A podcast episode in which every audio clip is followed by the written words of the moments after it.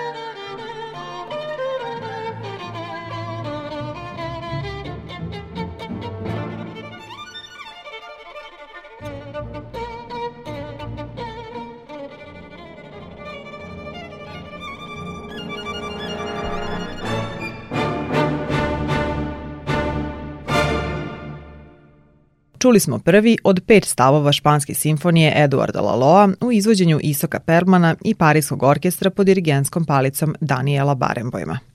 To zapravo koncertantno delo samo je jedno od brojnih violinskih ostvarenja kompozitora koji je i sam bio violinista.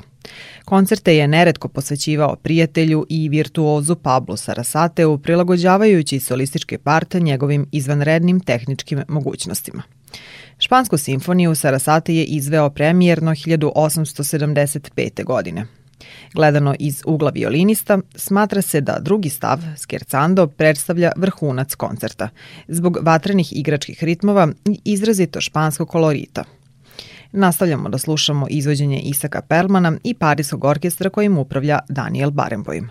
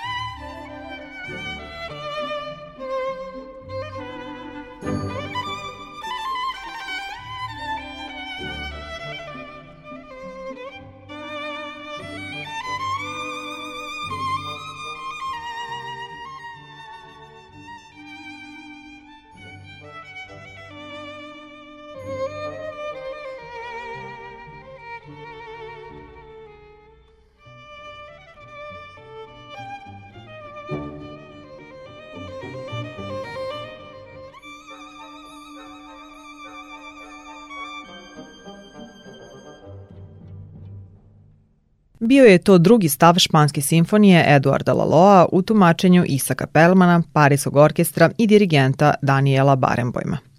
Već na premijeri u Parizu koncert je pobrao velike simpatije publike i gromoglasan aplauz. Upravo Španska simfonija, koja se i danas smatra Laloovim najpopularnijim koncertom, donela je kompozitoru prvi veliki uspeh – Sarasate, sa kojim je imao odličnu saradnju, svirao je koncert na nastupima širom Evrope i proslavio ga. Španska simfonija je do danas ostala na redovnom repertoaru mnogih violinskih virtuoza. Zbog dužine koncerta, koji sa svih pet stavova traje oko 35 minuta, u izvođenjima se nekada izostavlja treći stav, intermeco, koji čujemo u pozadini.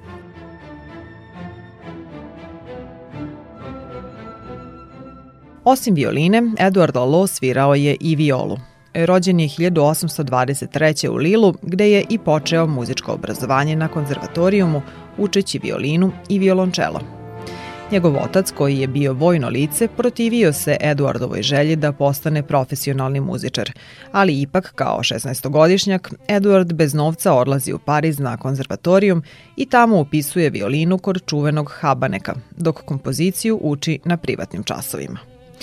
Zarađivao je kao violinista i nastavnik violine i tako plaćao svoje školovanje. Nastupao je i na koncertima Hektora Berlioza. Prve kompozicije napisao je sa 22 godine, a tri godine kasnije počeo je i da ih objavljuje. Međutim, kao kompozitor u mladosti nije imao uspeha, te je obeshrabren prestaje da komponuje neko vreme. Sa kolegama violinistom Armigoom i violončelistom Žakarom 1855. osniva kvartet u kom je prvo svirao drugu violinu, a potom i violu. Repertoar kvarteta činila su Haydnova, Mozartova, Beethovenova, Šumanova i Mendelsonova dela. Na muziku Šumana se i sam ugledao u svom stvaralaštvu.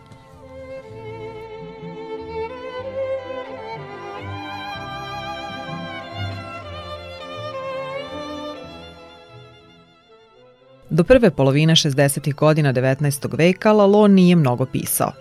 Posle venčanja sa svojom učenicom i pevačicom Julie Bernier de Maligny 1865. godine, sa kojom je imao sina Pjera, kompozitor je počeo više da piše. Komponovao je pesme za svoju suprugu i njen glas, kontra alt, ali publika nije preterano cenila te komade. Kompozitor se onda ipak više posvećuje pisanju za kamerne ansable i orkestra. Uspeh je dolazio sporom, ali sa osnivanjem Nacionalnog muzičkog društva 1871. koje je promovisalo stvaralaštvo savremenih kompozitora, postajao je sve više cenjen. Godine 1874. Sarasate je izveo Lalov violinski koncert Opus 20, koji je napisan dve godine ranije. To izvođenje donelo mu je prvi zapaženiji uspeh – Već sledeće delo koje je Lalo napisao, takođe dve godine pre premijere, proslavilo ga je još više, a to je Španska simfonija za violinu i orkestar koju smo slušali. A tri godine nakon komponovanja Španske simfonije, Lalo stvara još jedan biser koncertantne muzike, ovog puta za violončelo i orkestar. Koncert je u D-molu baš kao i Španska simfonija. Ritmički i melodijski i ovaj koncert sugeriše na špansko nasleđe. Prvi stav slušamo u izvođenju Jacqueline Dupre i Clevelandskog orkestra pod upravom Daniela Barenbojma.